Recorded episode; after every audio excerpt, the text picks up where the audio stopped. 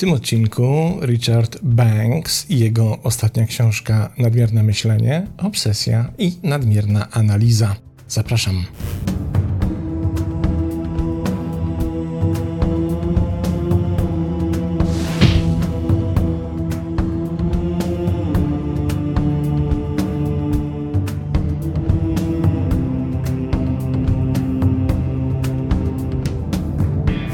Początek jak zwykle przyjrzymy się temu, kim jest autor książki, a sama książka to świeża rzecz, bo jej premiera miała miejsce w lutym 2023 roku, czyli zupełnie niedawno. Richard Banks jest trenerem rozwoju osobistego i przywództwa z 20-letnim stażem. Specjalizuje się w pomaganiu ludziom w rozwijaniu ich pewności siebie, przywództwa, komunikacji i relacji. Jego praca w wielu dyscyplinach szeroko odnosi się do narracji ludzkiego doświadczenia. Jego pasją i misją jest dostarczanie jak największej liczby nowych tytułów, aby pomóc potrzebującym. I to nie są puste słowa, bo sprawdziłem to rzeczywiście nie tylko pasja, ale chyba też pomysł na życie autora. Jest obecnie autorem 20 książek, przynajmniej tyle ich naliczyłem w księgarni Amazonu, natomiast oczywiście ani jednej nie znalazłem w Polsce. No to spróbujmy zacząć od pierwszego fragmentu. OCD, czyli to, w jaki sposób określamy zaburzenie obsesyjno-kompulsywne, to zaburzenie, które dotyka około 1% populacji. Tutaj pozwoliłem sobie sprawdzić i według ostatnich szacunków, to szacowanie zresztą jest dość skomplikowane i nie do końca miarodajne, ale uznaje się, że to obecnie na świecie od 1,2% do 2,3%. Przy czym trzeba pamiętać, że to się różnie rozkłada w kontekście wieku badanych, jak i ich płci. I może stąd też te trudne do oszacowania średnie światowe. Charakteryzuje się to zaburzenie niechcianymi myślami i powtarzającymi się zachowaniami, często, ale nie zawsze wykonywanymi w celu zmniejszenia niepokoju związanego z tymi myślami. OCD jest definiowane jako obecność obsesji, kompulsji lub obu naraz.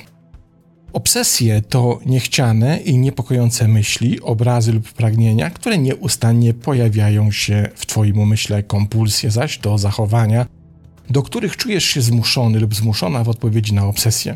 Mogą one przybierać różne formy, od nadmiernego mycia lub czyszczenia, po wielokrotnie sprawdzanie zamków lub ciągłe proszenie o zapewnienie, że coś się wydarzy lub też nie wydarzy. Tu wyjaśnijmy, oficjalna klasyfikacja mówi o dwóch rodzajach zaburzenia obsesyjno-kompulsywnego. Pod numerem F42.0 znajdziemy zaburzenie z przewagą myśli obsesyjnych, a pod numerem F42.1 z przewagą kompulsywnych czynności.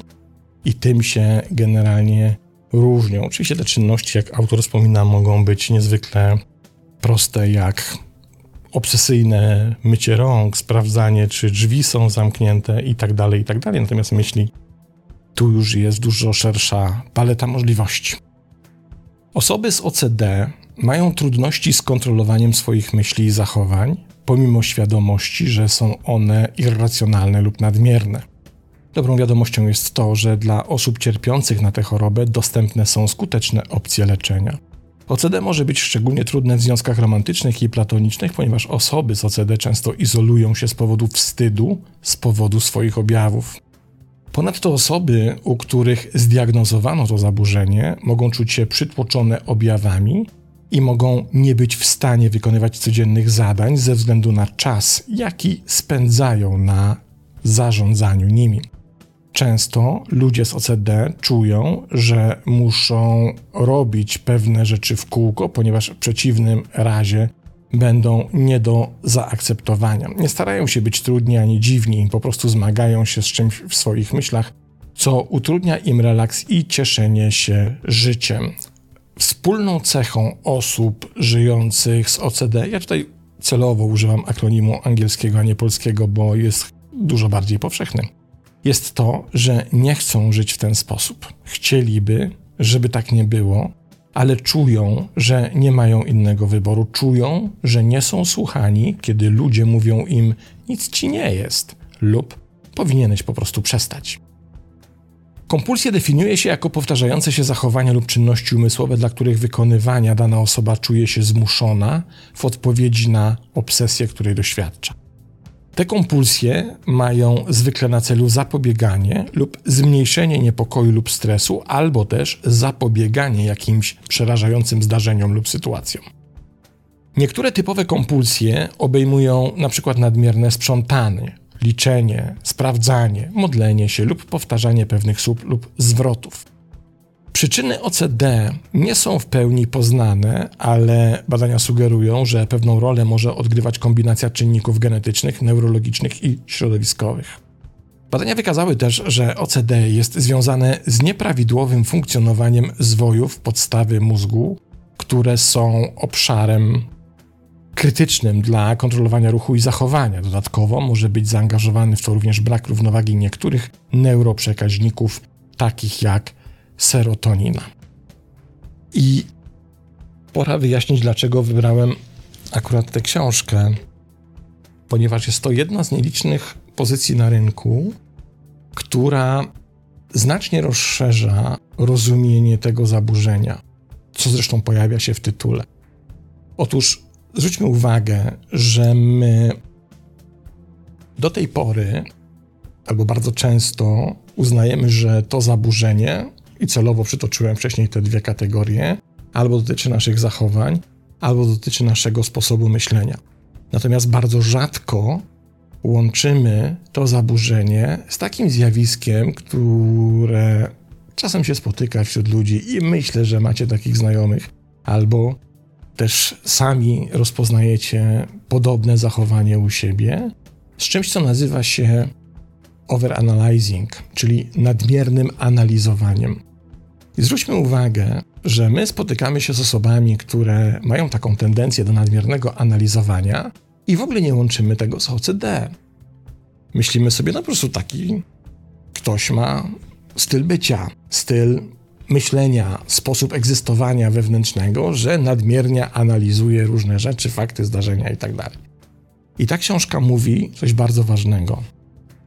Jeśli zdarza ci się taka nadmierna analiza, to to jest bardzo wyraźny sygnał, by się temu poważnie i z uwagą przyjrzeć, bo to nie tylko może być zapowiedź zaburzenia, które będzie postępowało w czasie, ale to jest również sygnał, że takie zaburzenie jest już w pełni rozwinięte w systemie i dominuje ten system.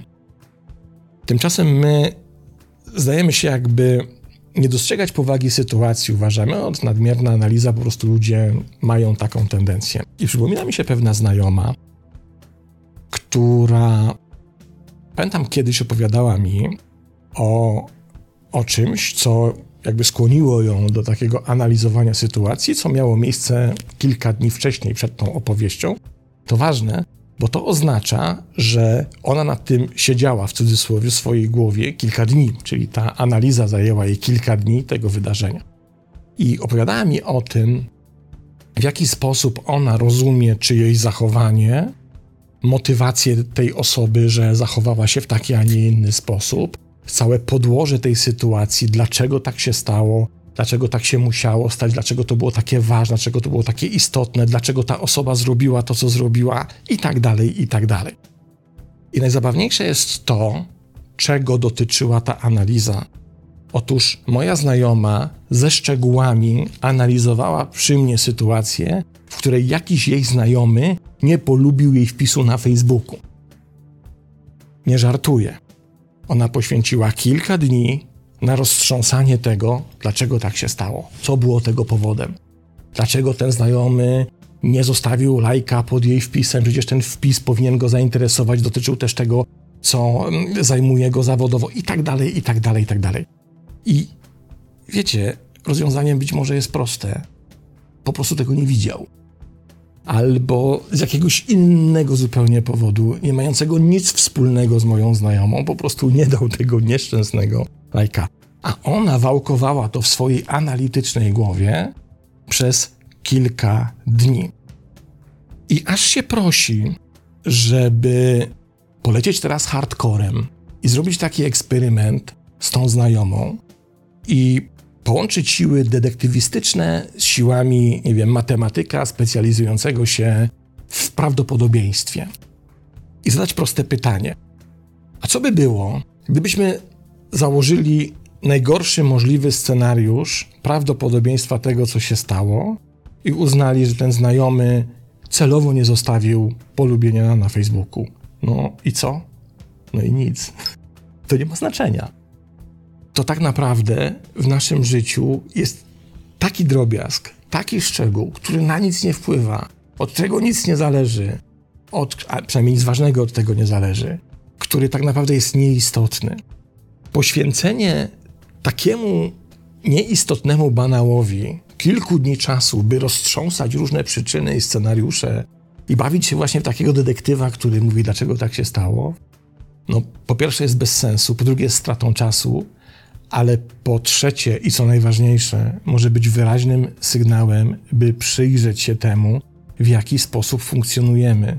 Jeśli taka pierdoła zajmuje nam uwagę przez większość czasu, to powinno nam się zapalić czerwona lampka, że coś może być nie tak, bo to nie jest normalne myślenie, to nie jest normalny sposób funkcjonowania. To może być taka pierwsza jaskółka, być może jeszcze delikatna, która mówi: zrób coś z tym, ogarnij się, zacznij coś zmieniać, zacznij nad tym pracować, bo im dalej w las, tym więcej drzew. A to oznacza, że z każdym kolejnym rokiem może być coraz gorzej i tego typu pierdolety będą ci zajmowały nie kilka dni, a kilka miesięcy, co już jest w ogóle katastrofą. Posłuchajmy dalej. Ale chociaż rzeczywiste zaburzenie jest równomiernie rozłożone między płciami, niektóre czynniki kulturowe sprawiają, że OCD częściej dotyka kobiety niż mężczyzn. Istnieje kilka przyczyn, które mogą przyczyniać się do tej rozbieżności. Kobiety częściej niż mężczyźni zgłaszają się na leczenie z powodu problemów ze zdrowiem psychicznym. Wynika to w dużej mierze z kulturowych oczekiwań co do męskości i kobiecości. Kobiety są postrzegane jako bardziej emocjonalne i irracjonalne niż mężczyźni. To jest oczywiście fałszywy stereotyp, no ale funkcjonuje.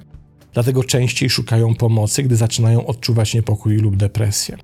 Z drugiej strony mężczyźni często czują, że muszą być silni i stoiccy, aby dostosować się do norm społecznych dotyczących męskości. Kolejny fałszywy stereotyp. Więc jeśli doświadczają problemów ze zdrowiem psychicznym, takich jak lęk lub depresja, mogą nie szukać pomocy, ponieważ nie chcą, by inni myśleli, że są bezbronni lub słabi. Do tego badania wykazały, że u kobiet częściej diagnozuje się inne stany, takie jak depresja lub lęk, zanim zostanie zdiagnozowane zaburzenie. Warunki te często występują z OCD i mogą zwiększać prawdopodobieństwo rozwoju właśnie tego zaburzenia. Ponadto kobiety mogą częściej doświadczać pewnych rodzajów OCD, takich jak te związane ze sprzątaniem, organizowaniem i perfekcjonizmem. Tendencje te mogą być powiązane z oczekiwaniami społecznymi i rolami płciowymi, które przywiązują większą uwagę do czystości i organizacji. Ponadto badania sugerują, że rozwój tego zaburzenia może mieć podłoże genetyczne i że wahania hormonalne, np. podczas cykli menstruacyjnych i ciąży, również mogą odgrywać tutaj pewną rolę. Ponadto kobiety mają zwykle wyższy poziom wrażliwości niż mężczyźni więc częściej przeszkadzają im małe rzeczy, drobiazgi, które nie przeszkadzają innym. Jeśli jesteś kobietą, nie oznacza to oczywiście nic złego, oznacza to po prostu, że warto wiedzieć, z czym masz do czynienia, aby móc podjąć kroki w celu skutecznego zarządzania tym, z czym się zmagasz. Należy też zauważyć, że OCD może objawiać się na różne sposoby i nie należy ograniczać się do wyżej wymienionych stereotypów. Ważne jest, aby w sytuacji, kiedy podejrzewasz, że taki rozwój takiego zaburzenia u ciebie może następować, poszukać profesjonalnej pomocy, albo również poszukać takiej pomocy w sytuacji, gdy dostrzegasz, że ktoś ci bliski może doświadczać takich problemów. I tutaj kolejna ważna rzecz, nad którą się warto przez moment zatrzymać. Otóż dobrze jest rozróżnić to, co może być zaburzeniem w przypadku wielu osób, i nie chodzi tutaj o różnice płciowe, ale w ogóle o różnice indywidualne pomiędzy nami, a co jest tendencją na przykład do utrzymywania porządku. Czymś innym jest ścieranie kurzy, zmywanie podłogi czy odkurzanie mieszkania, a czymś innym jest ścieranie kurzy po raz piąty w ciągu godziny, kiedy tam już nie ma co ścierać i mycie podłogi 17 razy na dobę. To są dwie różne rzeczy. Problem z tym postrzeganiem jest taki, że my dysponujemy, każdy z nas, bardzo indywidualnymi różnicami pod względem postrzegania przestrzeni, w której się znajdujemy. Są osoby dużo bardziej wrażliwe pod tym względem i są osoby dużo mniej wrażliwe.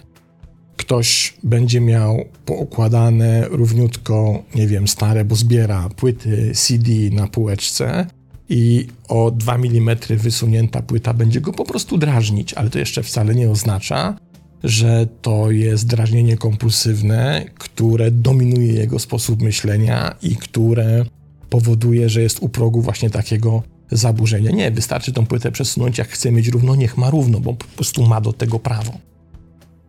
A my bardzo często, szczególnie kiedy jesteśmy nieporządni i widzimy, że ktoś jest porządniejszy od nas, tutaj słowa porządniejszy używam w kontekście większej dbałości o porządek, najchętniej byśmy mu wcisnęli to OCD, czyli wytłumaczyli to, że on tak dba o porządek, o który my nie dbamy, za pomocą tego, że to jest osoba zaburzona. Więc z tym trzeba po prostu uważać.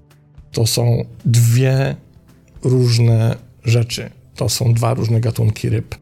Mówimy o kompulsywnym zachowaniu, o kompulsywnym, dominującym myśleniu czyli o sytuacji, w której musisz sprzątać nieustannie, bo czujesz się cały czas w niepokoju i lęku, a nie o sytuacji, w której poprawiasz swój rządek płyt, bo lubisz, jak jest równo. Więc pamiętajmy o tym, byśmy do tych rozróżnień przykładali zdrową miarę, a nie uciekali od naszego własnego lenistwa w ten sposób.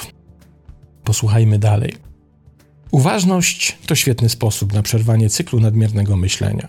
Jest to praktyka, która pomaga skupić się na chwili obecnej zamiast rozmyślać o przeszłych wydarzeniach lub martwić się o to, co może się wydarzyć. Chodzi o wejście w kontakt ze swoim ciałem i otoczeniem oraz wyjście w tym celu z własnej głowy. Nadmierne myślenie jest częstym problemem wielu osób, zwłaszcza tych podatnych na lęki i depresję. Kiedy za dużo myślimy, nasz mózg nieustannie wymyśla scenariusze, których nie możemy kontrolować, a to staje się wyczerpujące. Kiedy jesteś uważny, możesz skupić się na jednej rzeczy naraz, bez skakania w kółko w ten sposób. Bycie uważnym pomaga nam również lepiej zrozumieć nasze emocje i reakcje na bodźce. Kiedy potrafimy zwracać uwagę na nasze ciała i myśli, łatwiej nam zauważyć, kiedy mamy reakcję emocjonalną, jesteśmy smutni lub zestresowani. Ta świadomość może pomóc nam zdecydować, jak chcemy zareagować w danej sytuacji i ostatecznie sprawić, że życie będzie mniej przytłaczające Wszyscy możemy być uważni, to tylko kwestia wiedzy, co zrobić z tą mocą. I na koniec, podsumowując to, co zostało powiedziane, autor proponuje nam to, w jaki sposób możemy pomóc osobie, która jest nam bliska, w której otoczeniu bezpośrednim się znajdujemy i która zmaga się właśnie z tego typu problemem i pisze, co następuje. Kiedy próbujesz pomóc komuś cierpiącemu na zaburzenie obsesyjno-kompulsywne, może być trudno stwierdzić, czy robisz to, co należy. Łatwo jest ugrzęznąć w szczegółach i może być trudno zorientować się, od czego zacząć. Oto kilka prostych wskazówek, od czego zacząć pomoc takiej osobie. Po pierwsze, nie bój się mówić o tym otwarcie. Im więcej będziesz mówić o zespole obsesyjno-kompulsywnym bliskiej ci osoby i bliskiej ci osobie, czyli mówić o tym do niej, tym lepiej dla niej, bo zwraca to również jej uwagę na ten problem i tym bardziej będziesz się również czuć komfortowo, kiedy o tym mówisz. 2. Nie próbuj naprawiać myśli tych osób lub zachowań za nich. Zamiast tego oferuj wsparcie i zachętę, gdy sami przechodzą przez proces autonaprawy. 3. Słuchaj uważnie, gdy bliska ci osoba opisuje objawy, a następnie daj jej do zrozumienia, że rozumiesz, przez co przechodzi, dzieląc się czymś osobistym z własnego doświadczenia lub historii życia, które odnosi się bezpośrednio do tego, co mówi. Na przykład, wiem dokładnie, jakie to uczucie, ponieważ kiedy byłem młody, cały czas odczuwałem niepokój na myśl o tym i o tym. 4. Zachęć ich, aby spotkali się z terapeutą lub innym specjalistą specjalizującym się w leczeniu OCD. To może być na przykład specjalista terapii poznawczo-behawioralnej, to radzi autor, a ja ze swojej strony dodam, że również całkiem niezłą efektywność ma dobrze przeprowadzona terapia transpersonalna w tym względzie. To naprawdę może pomóc. Pomaga Twojemu przyjacielowi lub członkowi rodziny nauczyć się, jak zmienić swoje myśli i zachowania, aby lepiej radzić sobie z objawami. 5. Zaoferuj praktyczne wsparcie. Jeśli stresuje ich coś konkretnego, na przykład jakieś zbliżające się wydarzenie, to zaoferuj pomoc lub odciążenie od konkretnych obowiązków, by nie czuli się tak przytłoczeni jak dotąd. Podsumowując, to zaburzenie i nadmierne myślenie, czy też nadmierne analizowanie mogą mieć głęboki wpływ na nasze codzienne życie, wpływając na nasze relacje, pracę i ogólne samopoczucie. Może to być przytłaczające, izolujące i wyczerpujące ale przy odpowiednim wsparciu i leczeniu możliwe jest opanowanie objawów i poprawa jakości naszego życia. A ja ze swojej strony dodam, że w wielu znanych mi przypadkach następuje taki podział trochę jak w Pareto. Wystarczy poprawić swoje funkcjonowanie w kontekście zaburzenia obsesyjno-kompulsywnego o zaledwie 20%. Tylko o tyle je obniżyć by jakość życia poprawiła się o 80%. To ma mniej więcej takie przełożenie. Ale to, co najważniejsze, to dwie sprawy, które warto z tej książki zostawić sobie na koniec. Pierwsze to to, że warto dmuchać na zimne, czyli warto obserwować siebie oraz swoich bliskich pod względem tego, czy czasem jakieś czerwone lampeczki nam się nie zapalają i nie wskazują na to, że warto by przyjrzeć się pewnym zachowaniom czy sposobie myślenia bliżej, by coś z tym zrobić na początkowym etapie, a wtedy jest po prostu dużo łatwiej coś z tym zrobić. I druga rzecz to następująca konkluzja. To nie jest wyrok do końca życia. To można zmienić, to można znacznie poprawić, to można w taki sposób ogarnąć, by większość problemów związana z tego typu zaburzeniem nie była aż tak dokuczliwa i tak dysfunkcyjna dla naszego życia. Polecam bardzo książka z lutego, jak mówiłem, 2023 roku, Richard Banks. To tyle. Pozdrawiam i do następnego razu.